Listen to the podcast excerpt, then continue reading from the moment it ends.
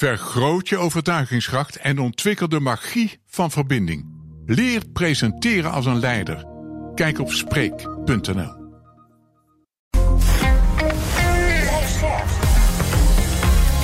BNR Nieuwsradio. BNR breekt. Ivan Verrips. Goedemorgen en welkom. Vanaf half twaalf praat ik over het nieuws van de dag. Over het Nederlands kabinet dat een delegatie wil sturen naar het omstreden WK in Qatar. Maar de Tweede Kamer die ziet dat al een tijdje niet meer zitten. En werkgevers halen alweer alles uit de kast om personeel terug naar kantoor te krijgen. Ik zie verhalen over smoothie bars voorbij komen. Nou, hebben we het allemaal zo meteen over. Met mijn twee panelleden. Vandaag Piet Rietman, econoom bij het Economisch Bureau van ABN AMRO. Goedemorgen. Goedemorgen. Fijn dat je er bent. En Bob den Oude, voorzitter van de Jonge Socialisten. Goedemorgen. Goedemorgen. Goed dat je er bent. We gaan beginnen met... BNR breekt. Breekijzer. En het breekijzer heeft te maken met het Belastingplan 2023 van het kabinet. De Tweede Kamer debatteert daar nu over. Het debat is vijf minuutjes geleden begonnen. De linkse oppositie heeft een eigen koopkrachtplan. Wil vooral de belasting op vermogen en winst uh, verhogen. Doel is om de vermogensongelijkheid te verkleinen... de belastingdruk op arbeid te verlagen... en bijvoorbeeld ook met dat geld het minimumloon wat te verhogen.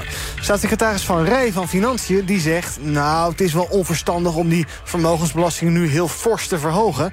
Het kabinet heeft namelijk al een belangrijke stap gezet. We hebben uh, zowel bij de april als de augustusbesluitvorming... hebben we eigenlijk afgesproken dat er 5 miljard gaat van uh, ja, verlichting last op arbeid. En hoe financieren we dat? Door de last op vermogen te verhogen in box 2 en in box 3. Ja, er gebeurt, gebeurt al genoeg, zegt Van Rij.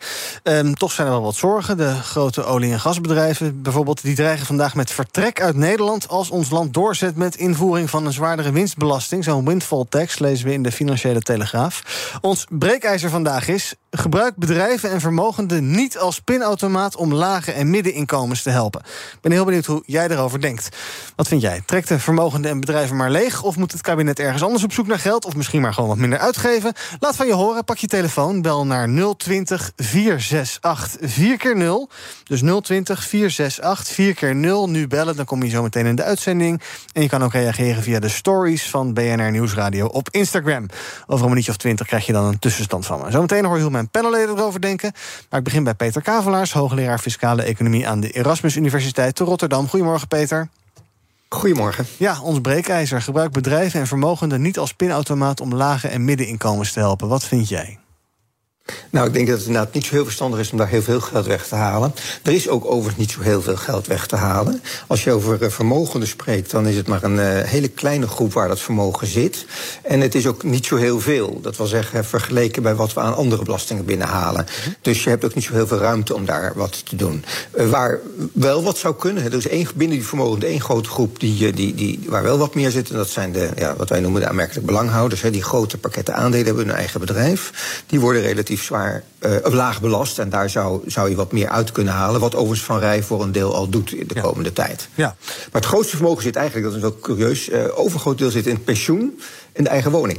Ja. En dat is veel lastiger aan te pakken. Ja, nou ja, eigen woning... En voor bedrijven... Ja. ja? Nee, zeg maar.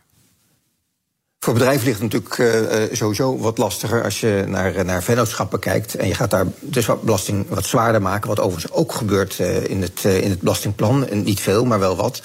Dan is daar altijd het probleem dat bedrijven zelf wel belasting betalen. maar het uiteindelijk niet, niet, niet zelf dragen. Dat wordt altijd afgewenteld. Dus de vraag is een beetje hoeveel je daarmee opschiet. Mm -hmm.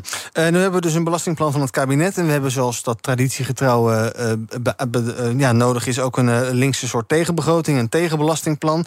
daar gaan we zo meteen wel even iets uitgebreider naar kijken. Maar voor welk van de plannen voel jij het meeste ja, warmte van het kabinet of het linkse alternatief?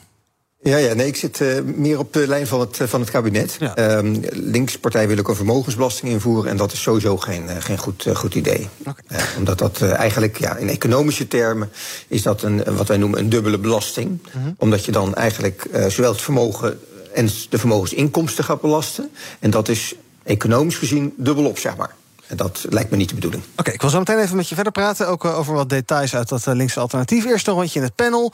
Piet, ons breekijzer, gebruikt bedrijven en vermogenden niet als pinautomaat om lage en middeninkomens te helpen. Ja, bedrijven en vermogenden worden helemaal niet gebruikt als pinautomaat. Uh, dat is ook uh, niemand van plan.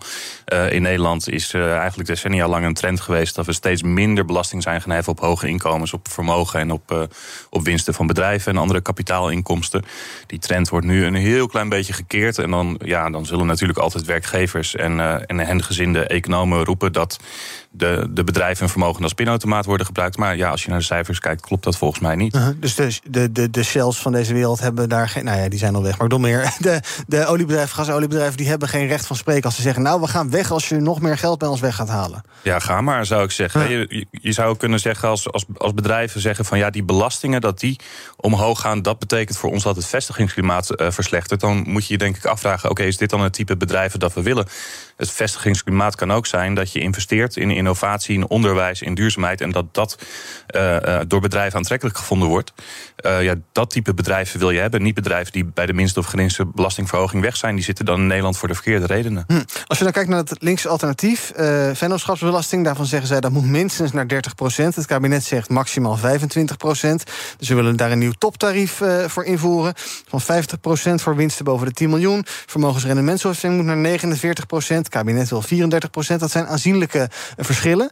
Um, waar word jij enthousiaster van? Van het linkse alternatief of van het kabinetsalternatief? Het linkse alternatief, dat daar, uh, nou ja, daar worden eigenlijk geen fundamenteel andere keuzes in gemaakt hè, over hoe we de economie inrichten. Maar er worden een aantal andere tarieven ingenoemd en ik denk dat die heel haalbaar zijn. Ja, 50% toptarief klinkt bijvoorbeeld als heel veel. Ja. Maar goed, in de tijden van Lubbers hadden we in Nederland nog veel hogere tarieven. dus eigenlijk links is er niet. Het is eigenlijk meer iets zoals we het in Nederland altijd hebben gedaan.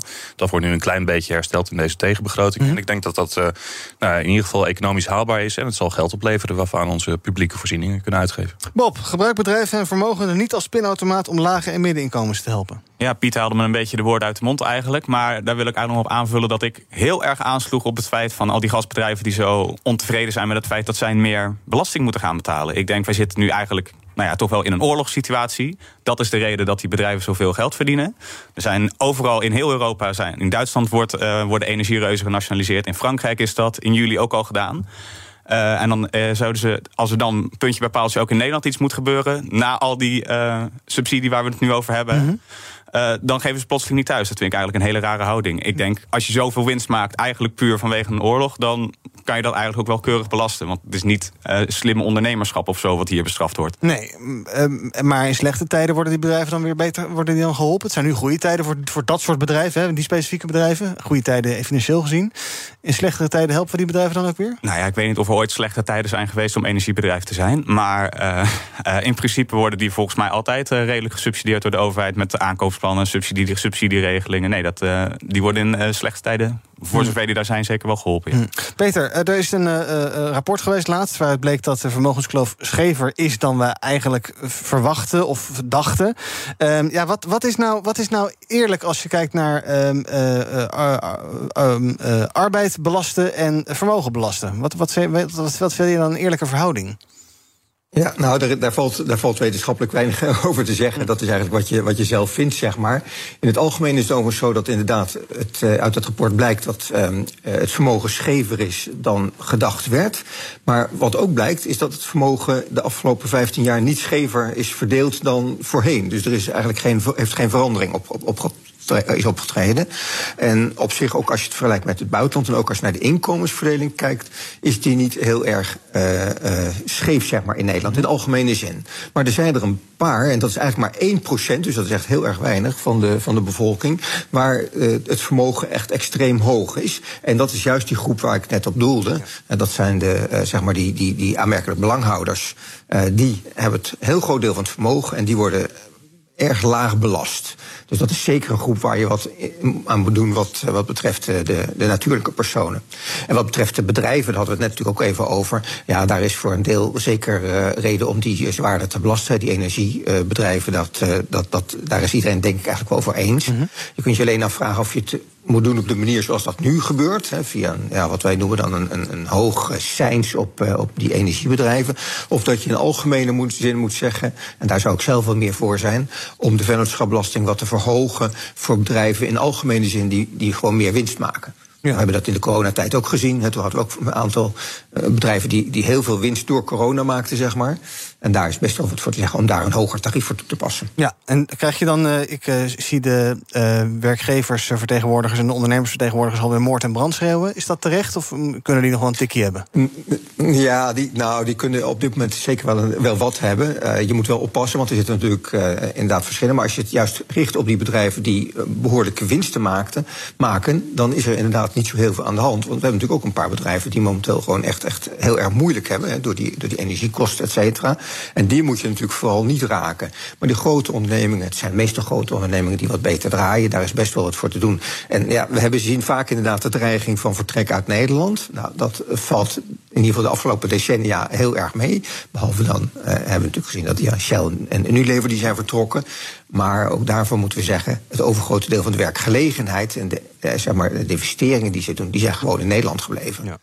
Dus dat valt uh, denk ik wel mee. En de dreigingen worden niet zo heel erg snel uitgevoerd, leert de ervaring. Oké, okay, laten we even kijken hoe onze bellers erover denken. Uh, 020 468 4 keer 0 gebruikt bedrijven en vermogenden niet als pinautomaat om lage en middeninkomens te helpen.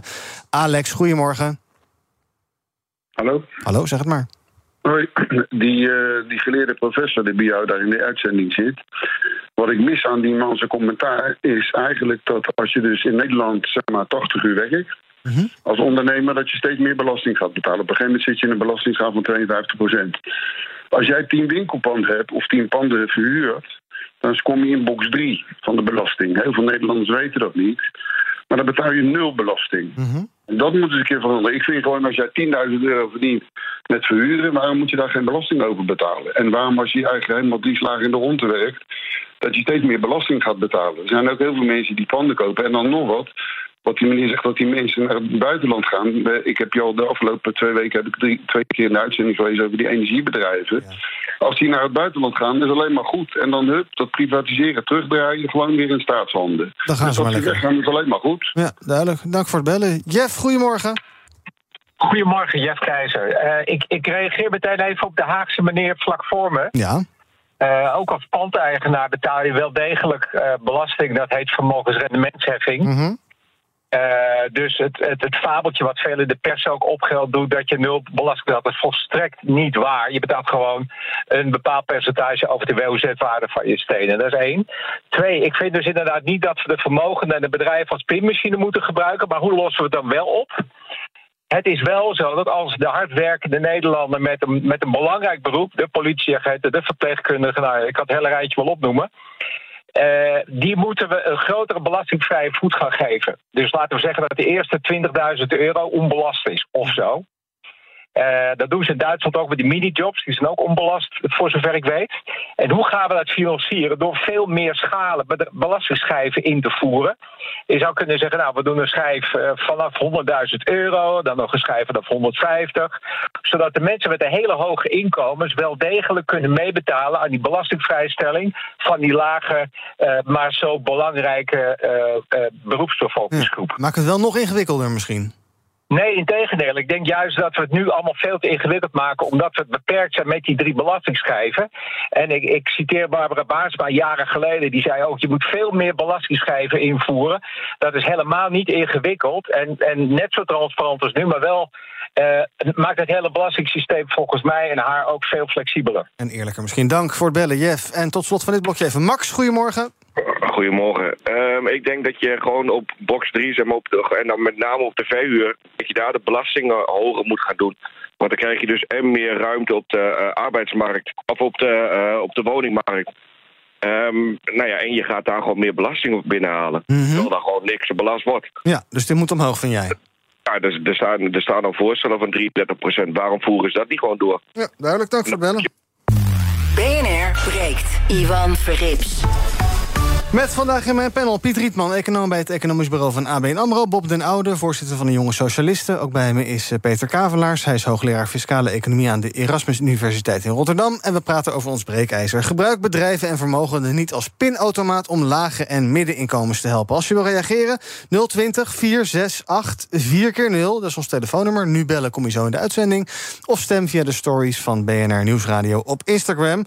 Bob, um, handig idee om uh, meer schijven in te gaan voeren. Ik zie al een heel uh, stroomschema ontstaan. En, uh... Nou ja, ik, ik vind het inderdaad wel een gewoon interessant idee. we hadden het volgens mij inderdaad eerder ook al. En ik, ik vind het inderdaad een misvatting om te bedenken dat het dan complexer wordt, mm -hmm. hè, die belasting. Want het is eigenlijk gewoon een heel simpel rekensommetje wat je dan moet maken. En dat is in een paar seconden eigenlijk gebeurd met de rekenmachine erbij. Ja. Wat, wat belastingen lastig maakt, is toeslagen, subsidies. Uh, uh, waar kom ik nou niet op? Uh, hypotheekrenteaftrek. Uh -huh. Dat Uh-huh. zijn dingen die het allemaal verschrikkelijk lastig maken. Maar in principe zo'n zo'n schalensysteem om het geleidender te maken. Ik, ik, in principe is, lijkt me dat gewoon een heel eerlijke, goede oplossing. Ja, maar dan krijg je dus ook een aparte schaal voor als je politieagent bent. Dan kom je later in een andere schaal terecht. Of als je docent bent. Of... Ja, dat lijkt me dan inderdaad wel weer lastig. Oh, heb jij ideeën over, Piet? Wat je zou kunnen doen? Ik, uh, Arbeidskorting of zo? Ja, dat, dat zou je inderdaad, dat soort dingen zou je kunnen doen. Maar op zich is schijven, uh, is, uh, schijven extra schijven invoeren, is voor de belastingbetaler helemaal niet complex natuurlijk. Mm -hmm. hè?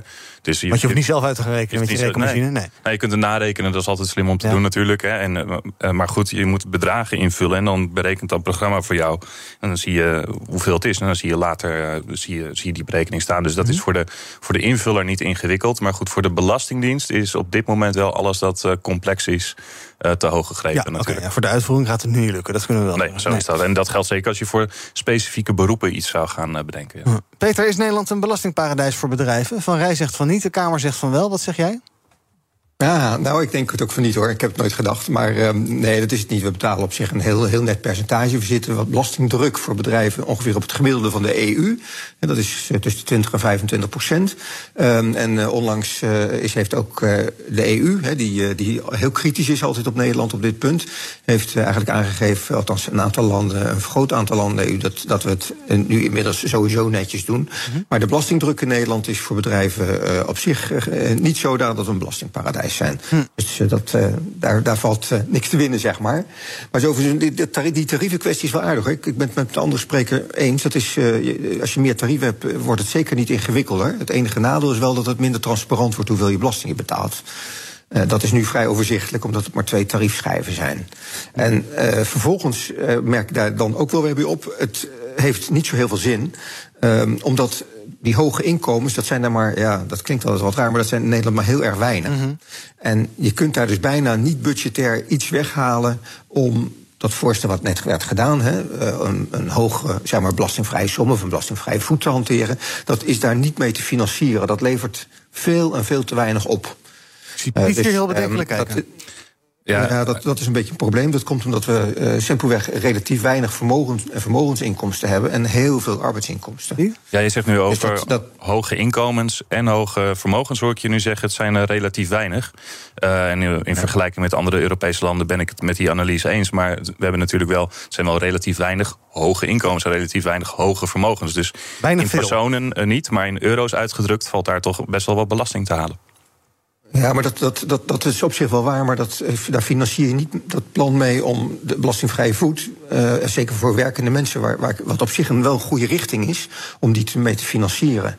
Uh, omdat het vrije vermogen in Nederland, ja, dat ook dan noem ik een groot bedrag, maar dat is in, in, in, ja, voor, voor dit soort operaties veel te weinig. Dat is, dat is niet meer dan 4 à 500 miljard. Uh, het totale vermogen. En als je daar belasting over wil uh, gaan, gaan heffen, dan levert dat uh, extra belasting, dan levert dat niet, niet voldoende op om een hele grote verlaging van de belastingdruk op arbeid mee te, mee te realiseren. Wat op zich wel een goede richting zou zijn. Dat hangt af van de hoogte van het tarief, zou ik zeggen. Ja, dat, dat klopt wel, maar je kunt, ja, je kunt redelijkerwijs niet, niet naar 40, 50, 60 procent gaan. Dat, ja, dat, dat kun je natuurlijk wel willen, maar dat is echt onrealistisch. Dan jaag je weer mensen weg. Dat is een beetje, kijk, als je, het, als je het vermogen, als je echt vermogen wil gebruiken om uh, zeg maar dat te doen, hè, die, die druk op arbeid vragen, dan zijn er maar twee grote bronnen. Uh, dat is pensioengeld aanpakken. Uh, dat is dat zwaarder belasten. Want daar zit ongeveer 1500 miljard in. Mm. Hè, dus dat scheelt echt veel. En de eigen woning. en daar zit ongeveer netto 800 miljard in. Nou ja, of, of we daar erg voorstander van zijn, weet ik niet. Ja. Maar daar zou je, als je, als je die zwaarder zou belasten, dan zou er echt voldoende, althans behoorlijk wat geld vrijkomen om zeg maar, de belastingdruk op arbeid en bijvoorbeeld voor de lage inkomens, om die te verlagen. Niet je het zitten om uh, topinkomens tegen 60, 70, 80 procent te belasten? Nou, dat zijn ongeveer de tarieven zoals we die in Nederland in de jaren 80, ja. begin jaren 90 hadden onder Lubbers. vergelijkend onderzoek in verschillende, zoals dat heet, ontwikkelde economieën laat zien dat we eigenlijk overal 10, 20, 30 procent gezakt zijn in het toptarief. Dat dat niet zoals destijds voorgesteld ervoor heeft gezorgd dat er werkgelegenheid uh, bij kwam. Dat heeft er niet voor gezorgd dat bedrijven ervan uh, zijn weerhouden om weg te gaan. Hm. Heeft er alleen maar voor gezorgd dat er minder inkomsten binnen zijn gekomen. Dus he, economisch onderzoek laat zien, we moeten niet bang zijn om te sleutelen aan het toptarief. Ja, en jongens, als bedrijven weg willen, ik zeg het nog maar eens een keer. het type bedrijven dat weg wil als de belastingen hoog zijn, is een ander dan ander type bedrijven dan het type dat zegt: wij vinden het interessant om in een land gevestigd te zijn waar dankzij die hoge belastingen er wordt geïnvesteerd in infrastructuur, in duurzaamheid in onderwijs. Want ook daarvan profiteren wij als bedrijven. Ja, dat is bijvoorbeeld ook wat uh, ik geloof Henk Nijboer zegt. Die zegt ook van ja, dat is juist interessant voor die bedrijven. Want uh, daar floreren mensen bij. En bedrijven hebben ook mensen nodig. En zo heb je een soort cirkeltje weer rond. Bob, uh, dat linkse plan, dat staat erachter om een minimumloon van 14 euro aan te houden. Met volledige koppeling aan AOW en overige uitkeringen. Ehm, goed idee om dat te doen. En om daar, dat kostenplaatje geloof ik 18 miljard. Is dat prima om dat te doen? Ja, nou ja, het is, het is eigenlijk al weinig ambitieus tegenwoordig tegenwoordig. Mm. al ingehaald door de realiteit. Is er nou 18 euro willen of 16 of wat zou Nou, dat, dat, dat weet ik. Nou ja, in ieder geval, dit is nu gewoon eigenlijk een inflatiecorrectie geworden, volgens mij. Dus uh, ja, dat kan nog wel wat verder omhoog. Het lijkt me ook uh, zeker dat uh, de lonen op dit moment nog steeds achterblijven. Ondanks dat we een gigantisch arbeidstekort hebben. Dus ik weet niet hoe dat kan volgens de economische regels. Maar volgens mij moet er iets gaan schuiven waardoor die lonen omhoog gaan. Dus dat minimumloon omhoog gaat, lijkt me een hele goede, goede stap. Ik wil nog heel snel even naar twee of drie bellers. tot slot de, van deze uitzending. Alfred, goedemorgen. Hallo, ben ik het? Jazeker, zeg het maar. Ja, ik heb eh, iets wat waarschijnlijk geen oplossing, of wat zeker geen oplossing is, oh. maar wel een stuk eerlijker zou zijn. Dat is uh, zorg, pak gewoon hele grote erfenissen aan. Ik zou zeggen, boven de 10 miljoen, 99% uh, successiebelasting. Hm. Het is gewoon onzin dat je 100 miljoen kunt erven of een miljard kunt erven. Dat slaat nergens op. Daarmee doe je zelfs de mensen die het erven geen plezier. Duidelijk, dank voor deze oproep. En John of John, goedemorgen. Ja, goedemorgen. Ja, ik vind het heel vervelend dat uh, de kleinere bedrijven altijd uh, daarmee betrokken worden. De grote bedrijven die kunnen gewoon zeggen, nou we gaan naar een ander land.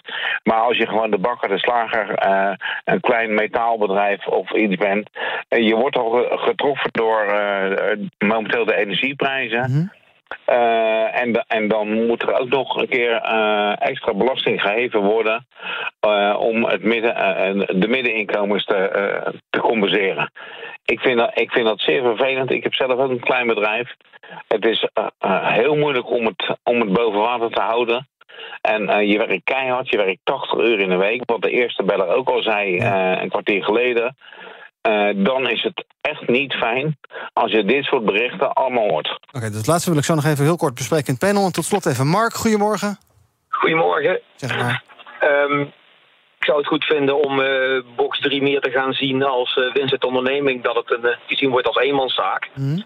Dat als je vastgoed hebt, dat heb ik zelf ook, dan zit je op dit moment eigenlijk een beetje op slot met kunnen investeren. Um, je zit met risico's dat dadelijk hele andere belastingen gaan komen.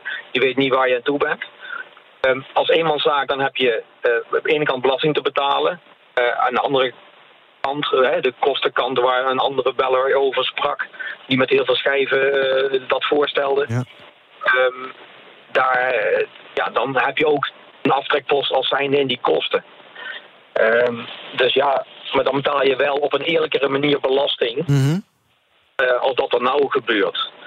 is voor mezelf niet fiscaal interessant, moet ik erbij zeggen. Maar ik vind het wel veel beter. Dat vind ik een veel betere stap namelijk. Als dat ze nou doen, is uh, uh, dat plafond van het excessief lenen gaan ze toepassen.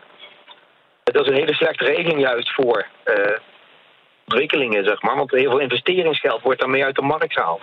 En op deze manier kun je het box 3 probleem denk ik wel veel beter oplossen. Er is er veel meer eerlijkheid ook naar de uh, ondernemers toe. En um, ja, als je mij vraagt, moet er ook op, op belastingschijven. Hè, er was net positief gereageerd op iemand die heel veel schijven voorstelde. Ik vraag mij af waarom ik over mijn laatste euro die ik verdien meer belasting moet betalen als over mijn eerste. Dat vind ik eigenlijk niet eerlijk. Ik zou voor een flat tax willen gaan. Dat iedereen eenzelfde euro betaalt of percentage betaalt over zijn verdiende euro. En dan is ook iedere euro die je meer verdient lonend. Waardoor ook de lagere, la- lagere lonen meer kunnen verdienen door meer te gaan Meer te gaan werken. Duidelijk. Dankjewel voor het bellen. Mark, heel kort nog eventjes. Eh, de bakker op de hoek, moeten we die ook zwaarder gaan belasten, Piet? Is dat belangrijk? Als we bedrijven zwaarder gaan belasten dan bij de bakker op de hoek ook? Nee, ik denk dat je in de eerste plaats moet kijken naar bedrijven eh, waar meer vermogen zit en, ehm, en, en die gewoon groter zijn. Dat is logisch, want juist bij kleinere bedrijven vindt er meer innovatie en creatie van eh, werkgelegenheid plaats. En ik denk trouwens ook niet dat een midden- en klein bedrijf eh, moet vrezen voor belastingverhoging op dit moment. Het is sowieso altijd per 1 januari, dus je kunt het even zien aankomen. En per 1 januari is, zijn ook de steunmaatregelen er voor het MKB om ze door deze energiecrisis te helpen. Die wegen als het goed is een beetje tegen elkaar op, dus een hele grote klap komt er niet aan. Alright. Ik dank Peter Kavelaars, hoogleraar fiscale economie aan de Erasmus Universiteit in Rotterdam. Op Instagram is 55% het eens met onze eh, stelling. Daar kan je nog de hele dag reageren. En zometeen ga ik met mijn eh, twee panelleden verder praten over een nieuwe coronacampagne, reclamecampagne. Waar hebben mijn panelleden behoefte aan? En eh, ja, we gaan het hebben over het WK in Qatar, kritiek van de Tweede Kamer. Want het kabinet wil toch een delegatie sturen. Maar ja, wie dan? Nou, dat allemaal zometeen in BNR Breek. Tot zo. Het Eneco Klimaatreport van deze week komt uit Amsterdam. Ik ben Pascal en ik sta hier met de oprichter van Wikkelhuis op de werkplaats. Oep, wat zie ik hier? Ja, je ziet allemaal huisjes. En welke rol speelt energie-efficiëntie in jullie ontwerp- en bouwproces? We bouwen alleen maar met hernieuwbare materialen. Maar het leukste is dat we eigenlijk eh, zonne-energie gebruiken voor onze elektriciteit. We hebben duizend zonnepanelen op ons dak van de werkplaats. Duizend zonnepanelen, dat zijn er een hoop. Ik kan me voorstellen dat er eh, veel stroom vanaf komt. Ja, er komt een enorme bak met stroom uit. En soms in de zomer is dat ook te veel. En daarom werken we samen met eh, Eneco, met het eh opwek optimaal systeem. En wat doet dat eh, systeem? Soort dimmer, dat als er te veel stroom is, dat je dat zeg maar wat terug eh, reguleert, zodat er geen netcongestie ontstaat, want dan zou alles eh, vastlopen. Eh, juist de balans op het energienetwerk. Ja, precies. En zo werkt Wikkelhuis samen met Eneco aan klimaatambities. Is het ook iets voor jouw bedrijf? Check dan eneco.nl slash klimaatambities. Overwin voor eens en voor altijd spreekangst. Volg de masterclass Spreekangst. Kijk op Spreek. Spreek.nl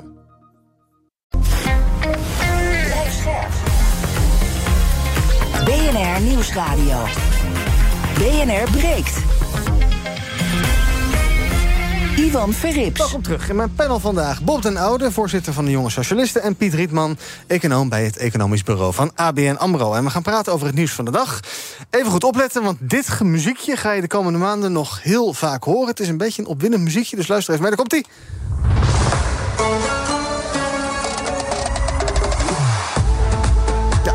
Beetje als eh, de nieuwsupdate van BNR, maar dan toch anders. Dit is de officiële tune van het WK voetbal in Qatar. Meest omstreden sportevenement van de afgelopen jaren. Zorgt voor veel discussie, omdat de omstandigheden... waarin die arbeiders de stadions moesten bouwen... waardeloos zijn en waren. Er zijn naar schatting al 6500 doden gevallen op de bouw- bouwplaatsen. Echt gigantisch.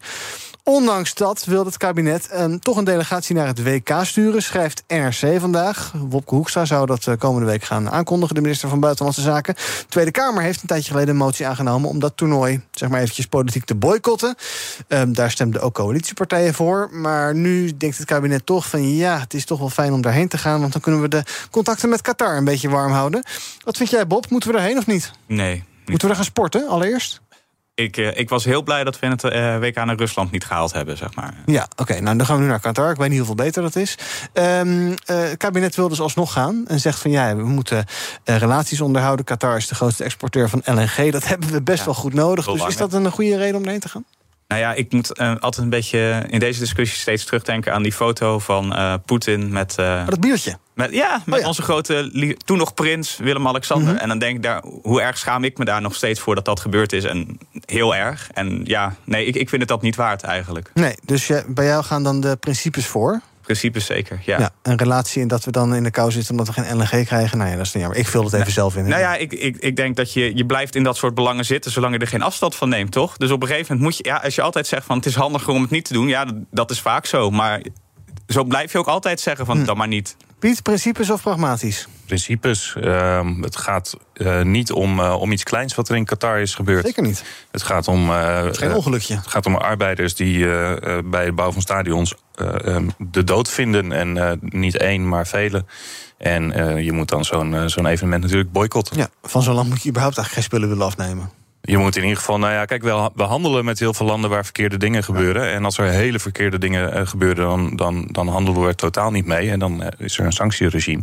En als het een beetje grijs gebied is, dan kun je natuurlijk ook wel eens die handel gebruiken om in gesprek te raken. Om, om ervoor te zorgen dat daar de omstandigheden eh, verbeteren.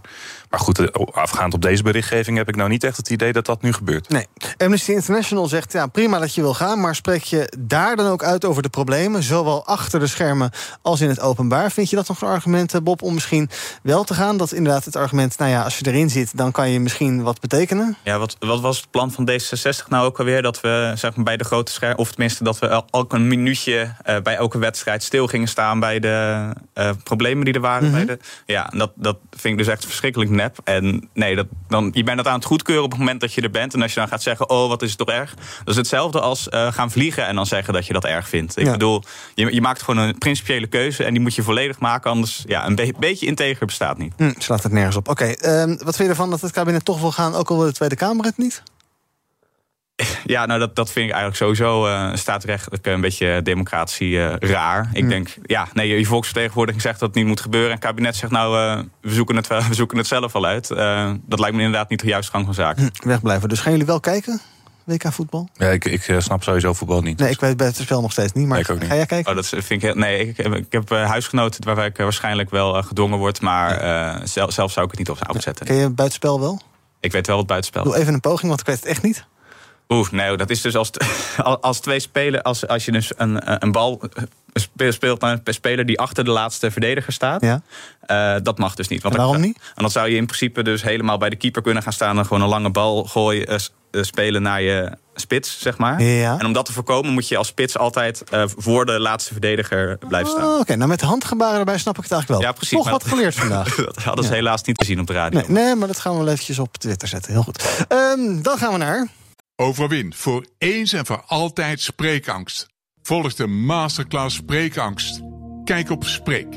Spreek.nl Krijgen we in Nederland nou echt de beste zorg? Kunnen we met wearables, AI en zorgrobots allemaal gezonder oud worden? Dat onderzoek ik in BNR Beter. Nina van den Dungen. Medische drones, geprinte medicijnen, de nieuwste technologie in ziekenhuizen. Dat komt allemaal langs in BNR Beter. Elke maandag om half vier en altijd als podcast. BNR Beter wordt mede mogelijk gemaakt door Philips. Op naar betere gezondheidszorg. BNR breekt. Mooi hoe Edwin altijd heel compact het kan vertellen. Thomas kan het wel enorm uitweiden. Ik denk van schiet eens op, maar je hebt het altijd lekker compact. Heel goed. Zometeen 12 uur luisteren, 2,5 uur lang. Ander nieuws van vandaag. De overheid slaat massaal tweets van mensen op. Twitterberichten dus, zonder dat die mensen het weten. Schrijft Trouw vandaag. Doel daarvan is om reacties op overheidsbeleid te peilen. Officieel mag dat niet, zonder toestemming van die twitteraars. Maar ja, de overheid doet het wel. Er zijn allerlei commerciële clubjes die daarbij bij kunnen helpen. Eh, Piet, jij zit op Twitter. Vind je het erg als jouw tweets in een eh, database ergens bij de overheid belanden? Ik bedoel, je hebt het er zelf opgezet. Ik kan zo door je Twitter alleen heen scrollen. Dus ja, dat is toch ook niet erg als eh, een of andere social media stratege mee kan lezen? Of wel? Ja, dat is eh, wel erg. Maar aan de andere kant, ik maak dus zelf die keuze. Dus eh, elke keer als ik iets op Twitter zet, dan eh, accepteer ik dat een bedrijf kennelijk al mijn tweets opslaat en ook weer analyseert. Nou ja. Namelijk het bedrijf Twitter. Ja. En eh, nou, nu is de, speelt de overheid daar ook nog een rol in. Maar goed, ik vind het wel een, een heel erg eh, schadelijk iets. Want waarvoor wordt dat precies dan gebruikt door de overheid? Mhm. En ten tweede, ze kunnen nu aangeven, we doen dat met volgende doelen: dat we je tweets opslaan en analyseren. Maar goed, het, het, het eh, mechanisme van het opslaan en analyseren gaat nu in werking. En dan over een paar jaar kunnen de doelen worden aangepast. En dan Ja. word ik misschien in de gaten gehouden omdat ik dingen zeg die de overheid niet welgevallig zijn. Ja, dus dat is toch wel een beetje gevaarlijk. Peter Ja. Meijns, Bob, jij zit nog steeds niet op Twitter. Vorige keer hebben wij geconstateerd dat jij geen Twitter-account hebt. Ondanks dat er meerdere mensen Bob den Oude op Twitter heten. Waarvan eentje met een hele rare gebruikersnaam. Wat is die gebruikersnaam dan? Ja, wat was nou? Ik weet het echt iets met... eh, oh shit. Helaas weer vergeten. Jammer, jongens. Eh, Wat was het nou? Ik ben wel benieuwd nu. Oh shit, ik ga het opzoeken. Ja? Oké. Maar, maar zal ik ondertussen mijn mening geven? dan? Awesome as fuck of zo? Wat Ja, was het nou? Zoiets was het, hè? Gaan we dit nou heel erg koppelen aan mijn naam de hele tijd? Eh, Als jij, geen Twitter, als jij geen Twitter aanmaakt, dan kun Oké, Oké, volgende keer. Nee, nou ja, eh, zoals mijn houding tegenover Twitter misschien on- ondertussen een beetje duidelijk is, eh, ben ik wel van mening dat het niet echt eh, schadelijk is. In die zin dat het wel vervelend is en dat sociale media bedrijven daar heel veel eh, fout mee kunnen doen. Maar in principe. Volgens mij zitten heel veel mensen op Twitter omdat ze gehoord willen worden. Ook door de overheid. En dan zegt de overheid: oké, met deze twitteraar en deze mening gaan we op basis daarvan deze analyse doen. Gaan we dit beleid her- herevalueren. Dat is dan toch precies wat je wil als twitteraar. Ik bedoel, dat, dat, die, eh, het is niet alsof, het, alsof ze het eh, gaan zoeken bij je of zo. Je go- gooit het zelf naar buiten van doe er wat mee. Ja. Wereld. En de wereld zegt oké, we doen er wat mee. Ja. En dan is het plotseling een probleem. Ja, Het is, het is niet wat ik wil als twitteraar, eerlijk gezegd. Ik, eh, als ik een mening ergens over heb, dus ik schrijf wel eens een column... en dan gooi ik die column op Twitter. En eh, wat ik dan, dan hoop is dat mensen die in het, in het, eh, ja, het beleidsonderwerp... waar dat, die column over gaat, Ja. die daar iets over kunnen beslissen... dat die het ook lezen en dat het misschien iets in beweging zet ergens in Nederland. Ja. Maar eh, dat is wel allemaal te verifiëren. Dus dan ontstaat er wel een publiekelijk debat. Eh, bijvoorbeeld, nou ja, dan wordt er andere columns geschreven. Misschien wordt er ergens in een publiekelijk orgaan wordt er over geschreven. Dat is wel allemaal publiekelijk en te controleren. En dan zie je hoe dat verloopt. Terwijl als ergens een of andere ambtenaar dus in een kantoortje zit te analyseren wat ik schrijf. En we weten niet hoe dat mechanisme werkt. En hoe het algoritme werkt dat dan die column opspoort. Ja, dat, dat is wel schimmig, Dus toch? dan zou je ook precies willen weten wat ermee gebeurt met je data. Als je het al zou willen. Zeker. Ja, oké. Ehm, eh, nu wil natuurlijk eh, meneer Musk wil Twitter gaan kopen. Andere investeerders hebben een overeenkomst getekend... dat zij geen zeggenschap meer hebben over dat platform. Dus dan is meneer Musk de enige baas van Twitter... en de Rijksoverheid leest mee. Is dat een reden om van Twitter af te stappen? Ja, ik zit erover na te denken. Ja, die, eh, Musk heeft natuurlijk eh, allerlei uitspraken gedaan eigenlijk in het verleden die best wel, eh, best wel zorgelijk zijn. Recent ook wel. Uh, recent Ja. ook wel, die doet dat eigenlijk permanent. Ehm, en het is, het is één iemand. Het is niet een conglomeraat van verschillende bedrijven of non-profit zit er allemaal niet bij. Het is gewoon één ondernemer, een miljardair. En eh, je mag aannemen dat hij Twitter gebruikt in zijn belang. Hm. Is het, eh, Musk voor jou een reden om op Twitter te gaan? Ja, nee, zeker. Ehm, ik, ik denk dat het grote probleem eigenlijk vooral is dat eh, zaken als Twitter en Facebook steeds een eh, fundamenteler onderdeel van onze discussie en het publieke debat zijn geworden. En dat je je gewoon moet afvragen van, goh, wil ik wel dat het überhaupt in private handen is? Of dat er, hè, ik bedoel, met kranten heb je ook, dat is ook allemaal in private handen, prima, maar er zijn er meer van. Hetzelfde met radioprogramma's, hallo BNR. Hè, ik bedoel, eh, maar Twitter is wel gewoon een vrij, een vrij duidelijk iets met een monopoliepositie. Wil je dat in private handen hebben van zo'n figuur? Ik zou zeggen nee. Oké. Dan wil ik eh, nog eh, met jullie praten over jullie nieuws van de dag. Piet, jij wil het hebben over eh, de nieuwe Britse minister van Financiën. eh, Jeremy Hunt. Die gaat geloof ik om 12 uur een toespraakje geven of iets dergelijks. Dan gaat hij al een beetje vooruitblikken op wat hij eind deze maand helemaal wil gaan aankondigen. Ehm, ja, eh, hij moet wat goed gaan maken. Ja, klopt, ja. ja. Ja, ze hebben het in het Verenigd Koninkrijk dus eh, gepresenteerd om de financiële markten rechts in te halen. Dus ze hebben gewoon allemaal beleid gemaakt over hoe ze het bedrijven en vermogenden makkelijker gaan maken. En, ehm, en, en hoge inkomens makkelijker gaan maken. En in reactie daarop keldert de pond. Nou ja, dan, eh, en, dan- het, het mooie daarvan is wel weer dat die regering daardoor in actie komt. En ook door verschrikkelijke opiniepeilingen die er zijn. Ja, en het, het, het laat zien dat wat zij hebben voorgesteld gewoon niet klopt. Eh, gewoon alle oude economische dogma's zaten in eh, wat zij gepresenteerd hebben. Ze hebben geclaimd dat als je eh, belastingverlaging hebt voor de rijken, dat dat dan op een of andere magische wijze eh, dat geld zijn weg vindt naar de rest van de economie. Dat is onzin. Er is geen economisch onderzoek dat dat ondersteunt.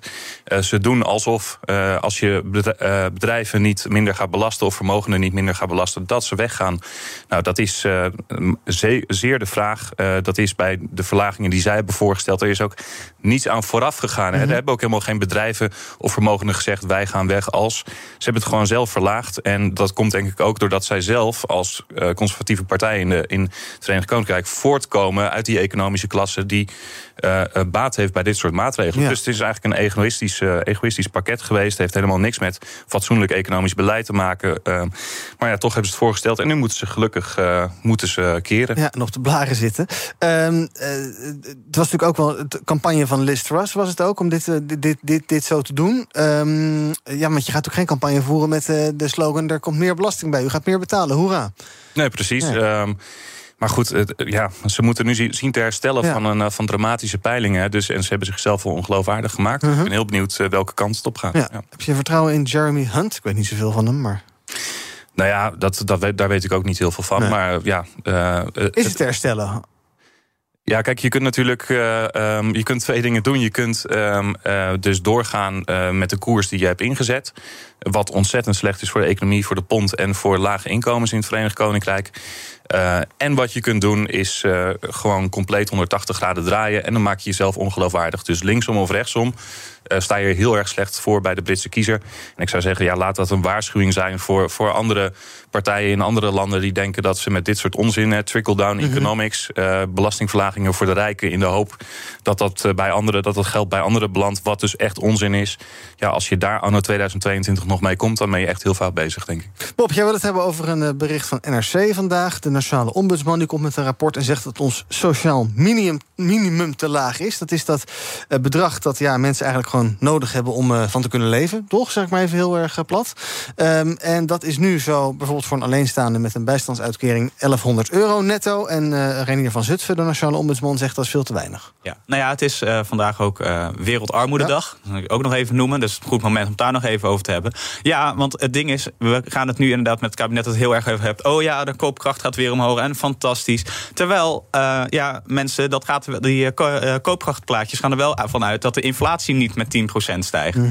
En we- de mensen zitten nu al in de problemen. Dus dan moeten we misschien maar eens. eh, ja, dan, moeten we eigenlijk gewoon wat meer bij. En dat signaal is wel gewoon iets eh, wat in Den Haag moet gaan landen, heel snel. Ja, hoeveel meer moet erbij? Of is dat moeilijk te zeggen? Nou, ik, laten we zeggen dat we in plaats dat we nu gewoon eens naar een inflatie, echte cor- inflatiecorrectie Mhm. gaan. En eh, dan kunnen we vervolgens nog gaan praten of er nog wat meer bij kan. Ja, dus ja, je zou een, reële, gewoon een reëel, eh, een reëel sociaal minimum moeten hebben. Ja, ja. Heb jij idee, Piet, hoeveel het zou moeten zijn? Hoeveel het sociaal Ja? minimum zou moeten zijn? Ja? ja, het verschilt ook per situatie natuurlijk. Maar hoeveel, hoeveel procent het hoger zou moeten zijn dan nu? Dat weet ik niet precies uit mijn hoofd. Eh, ik vind, eh, en dat vindt de Europese Unie eh, ook, dat het 60% van, van het mediaan inkomen in een land zou moeten zijn. En Oh ja. dat betekent dus voor een land als Nederland dat dan een minimumloon bijvoorbeeld naar 14 euro gaat. Ik denk dat dat zoiets bijvoorbeeld een hele goede eerste stap zou zijn. Dan weet je in ieder geval dat mensen niet in de directe nood zitten, niet meer in armoede zitten. Ja, en als dan de prijzen heel snel stijgen, zoals nu, dan moet dat meegroeien. Dan moet dat natuurlijk meegroeien. Maar dan eh, moeten denk ik alle inkomens meegroeien en daardoor ook weer dat sociaal minimum. Oké, we gaan even kijken wat er trending is op de socials. Meneer Kukçu zien we veel terug. Een populair topic op de sociale media van de afgelopen 24 uur. De Feyenoord-aanvoerder die weigerde om een regenboogband te dragen... tijdens de wedstrijd AZ Feyenoord. Hij zegt zelf dat hij iedereen respecteert... ongeacht religie, achtergrond of geaardheid. Maar hij wil geen uithangbord zijn voor coming-out-dag. Ophef deed hem in het veld volgens hem ook niet zoveel... want hij scoorde gisteren ook een doelpunt. Hashtag is trending. Afgelopen weekend noemde Ad Pim Fortuyn... een voorloper van Donald Trump. Veel mensen vinden dat onterecht. Joost Eerdmans van Ja21 bijvoorbeeld... die ook bij de LPF heeft gezeten... die schrikt ervan dat Melkert na al die jaren nog zo verbitterd is. Ook omdat Melkert zei dat hij eigenlijk nog steeds niet zo goed wist... wat er toen fout is gegaan.